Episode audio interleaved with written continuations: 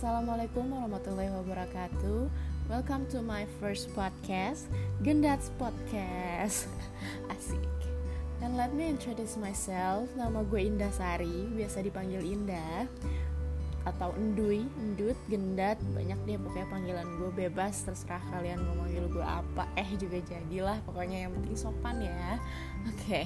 Di podcast gue yang perdana ini gue bakal cerita tentang pengalaman gue yang pernah tinggal dan bekerja di salah satu negara Balkan, yaitu Bulgaria.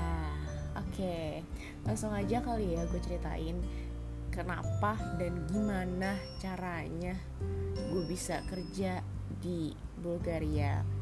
Orang pada asing mungkin ya dengar Bulgaria tuh di mana sih? Belgia? No, it's different Bulgari it's brand. Itu beda lagi ya. Terus ngapain sih Indah di sana?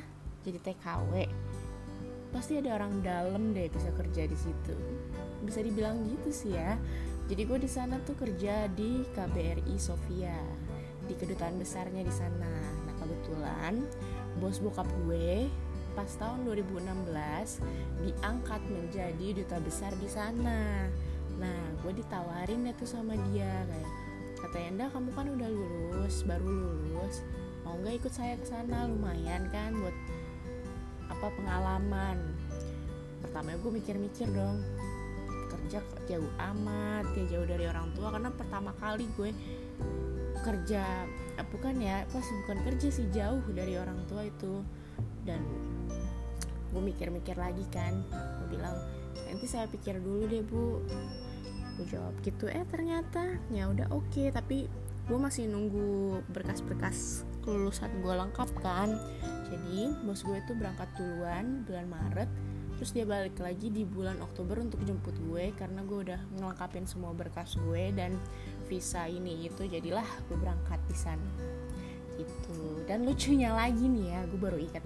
Lucunya lagi gue itu pertama kali keluar negeri dan uh, naik pesawat itu tuh perdana uh, Bulgaria. Dan yang paling bikin deg-degannya itu karena perjalanannya yang panjang. Aku pertama kali naik pesawat terus suruh ngendon diem 13 jam. Ya transit sih sebentar Doha. Cuma ya well perjalanannya jauh gitu dan gue udah mikirnya ke mana-mana nih kalau gue tiba-tiba jatuh atau apa-apa-apa ya gitu lah ya. Namanya juga orang norak pertama kali naik pesawat dan tapi alhamdulillahnya sampai dengan selamat di sana gitu. Nah sesampainya di bandara di sana tuh ya gue pas lihat bandara itu kayak first impression gue tuh kayak kok gini amat ya? Gue mikir nih bener nih kayak gini kenapa gue bisa mikir kayak gitu? Karena ya ekspektasi gue dong ya bandara di Eropa tuh kan yang kayak megah bagus mewah. Pokoknya wah lah gitu. And then the reality-nya is B aja gitu kayak sesederhana dan sesimpel itu.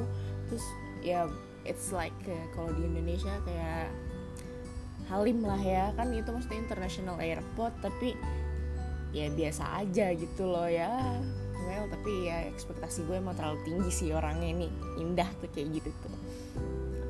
Terus pas nyampe di sana dijemput lah gue sama staff dari KBRI Sofia itu sama bos gue juga kan dijemput karena ada bos gue. Mungkin kalau gue sendiri nggak semua staff ikut jemput gitu kan. Terus sampai di sana ternyata tuh di sana lagi musim uh, gugur lagi autumn. Dan orangnya lagi gue ya namanya juga anak pertama kali baru keluar negeri kan ya. Gue tuh pakai baju panjang sih cuma yang bahannya tipis itu loh sih kaos bahan dari kaos tipis gitu doang. Dan di sana tuh lagi angin kencang terus lagi dingin. Ya udahlah gue sok cool gitu aja. Terus staff nanya gitu ke gue kan bang dingin dalam hati dalam hati gue menurut lo. Tapi gue yang sok cool gitu aja oh enggak masih bisa tahan kok katanya. Iya bentar kok perjalanannya dari bandar ke rumah atau wismanya tuh deket. Ya udah dong ya. Gue sok-sok nahan-nahan gitu dong ya norak sih emang si indah tuh dah. Ah nggak tahu deh gue dah. Ya namanya juga pertama kali baru lulus sekolah. Nggak ada pengalaman ke luar negeri ya I don't know I don't do riset I don't do anything gitulah pokoknya. Ya dadakan sebenarnya. Terus selama perjalanan menuju ke Wisma itu rumahnya situ gue ngobrol-ngobrol dong sama staffnya. Gue nanya ke staffnya. Kebetulan nih orang yang bagian konsuler yang ngurusin data WNI di sana. Terus gue tanya jumlah WNI di sini ada berapa bu? Gitu kan. Kata si ibunya ini WNI-nya di sini ada 70 orang. Itu juga udah termasuk dari uh, staf KBRI plus keluarganya. Gue bilang buset dikit ya. Gue kira tuh kayak yang kayak negara-negara lain gitu sampai yang ada yang 500 200 gitu ya cuma 70 oh ternyata sedikit gue gitu jawab. Terus katanya di sini juga tuh ada salah satu icon di Sofia sini tuh kayak ikonnya gitu gereja tua gitu namanya Alexander Nevsky gue dikasih tahu sama si ibunya ini. Terus gue harus ke sana katanya. Walaupun gereja tapi katanya bagus. Gitu dia juga cerita kalau di Bulgaria ini uh, agak rasis orang-orangnya sama muslim gitu. Nanti gue bakal ceritain di episode selanjutnya deh kalau yang tentang rasisme ini. Jadi si ibu ini punya cerita kurang enak katanya dia pernah pas lagi jalan di center di pusat kotanya gitu lagi jalan gitu sama suami dan anaknya tiba-tiba ada yang nimpuk dia pakai uh, botol air mineral dong. Terus katanya di, sambil diteriakin teroris gitu gila gak sih? Orang-orang sini sih emang parah sih. Eh, maksudnya orang-orang Bulgaria itu emang agak nilai rasisnya tuh tinggi kalau sama muslim karena mereka berpikiran kalau muslim itu semuanya teroris begitu. Di sana itu sebenarnya di Bulgaria ini uh, mayoritas Kristen Ortodoks ya tapi kalau yang banyak gue temuin orang-orangnya sih ateis ya. Kayak gitu deh pokoknya ya ntar gue bakal ceritain lagi. Terus yang lucunya uh, singkat ceritanya nih kan gue udah mulai nyampe udah udah apa sih tinggal lah di sana berapa minggu berapa bulan. Terus waktu itu gue pernah lah iseng pengen jalan lah belanja supermarket uh, beli-beli cemilan atau apalah gitu iseng-iseng ambil cuci mata gitu lah ya. Kebetulan supermarketnya tuh deket banget dari rumah. Terus gue ke supermarketnya ya nggak ada bedanya ya cuma bedanya yang jaga tuh bule. Kalau di Indonesia ya orang biasa kalau di sana bule. Kasir aja bule kan terus terus ya ya jalan namanya juga di luar negeri kan. Terus terus gue yang baru gue sadarin di sana itu uh, orang-orang Bulgaria itu misalkan kalau bilang iya maksudnya dengan isyarat bahasa tubuh gitu iya itu mereka malah gelengin kepala. Terus kalau bilang enggak mereka tuh malah ngangguk. Bingung gak sih lo? Ngerti gak sih? Kayak kebalikannya gitu kayak misal iya terus mereka geleng kalau ngomong enggak tuh ngangguk. Kan pas pertama-tama gue bingung nih orang maksudnya apa sih? Kok gue bilang iya tapi dia geleng kalau bilang tidak tapi ngangguk. Apa emangnya? Aneh emang emang aneh. Itu tuh yang pertama kali yang gue rasain keanehan orang Bulgaria gitu. Tapi nggak aneh juga sih sebenarnya kalau udah biasanya gitulah terus di sana juga mm, bahasanya tuh mirip bahasa Rusia gitu jadi agak ribet deh pokoknya. Gue 4 tahun di sana ya dari 2016 sampai 2020 cuma bisa bilang makasih selamat pagi siang sore malam. Terus iya enggak udah gitu-gitu aja. Nggak ada gue penambahan kosakata baru tuh nggak ada. Tapi sedikit sedikit gue mulai terbiasa bisa baca alfabetnya. Alfabetnya juga tulisannya agak aneh-aneh gitu deh pokoknya yang C dibacanya jadi S gitu deh pokoknya. Tapi ya sedikit-sedikit gue bisa baca tapi walaupun gue nggak tahu artinya ya tapi gue bisa baca sedikit. Ada kemajuan lah sedikit. Terus apalagi ya?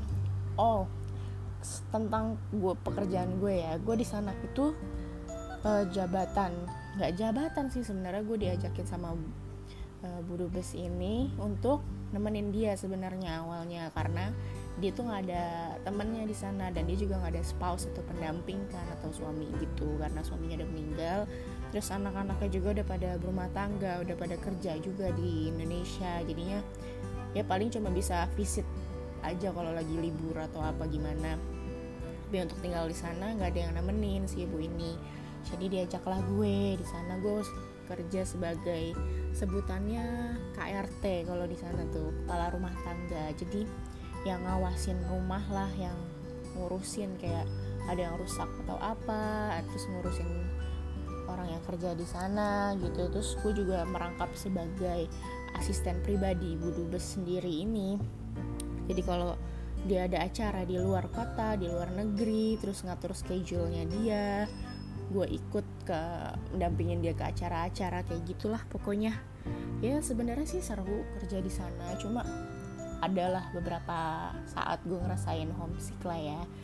Nah, di sana juga orang-orangnya alhamdulillahnya dapat rekan kerja yang asik-asik sering hangout bareng terus ya chit chat bareng. Yang serunya tuh di sana lo nggak mau nggak mau. Misalnya lo kalau kangen lagi kangen makanan Indonesia jarang di sana tuh restoran Indonesia. Baru banget buka ada salah satu warga Indonesia yang buka di sana. Cuma ya kalau lagi pengen yang lain gitu kan mau gak mau tuh kita jadi harus bisa masak gitu loh.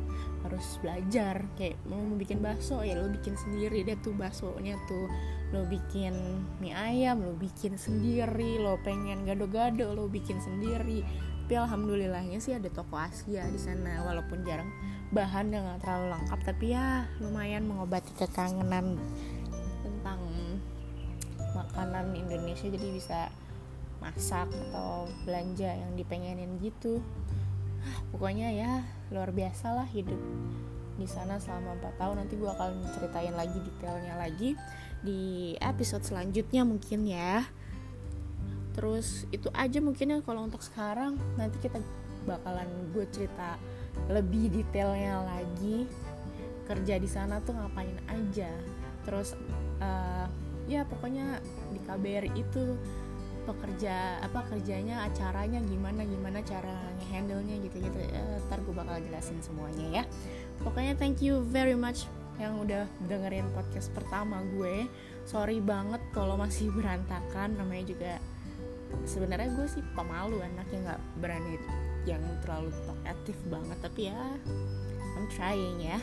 Thank you so much ya yang udah dengerin podcast gue. See you in the next season. Bye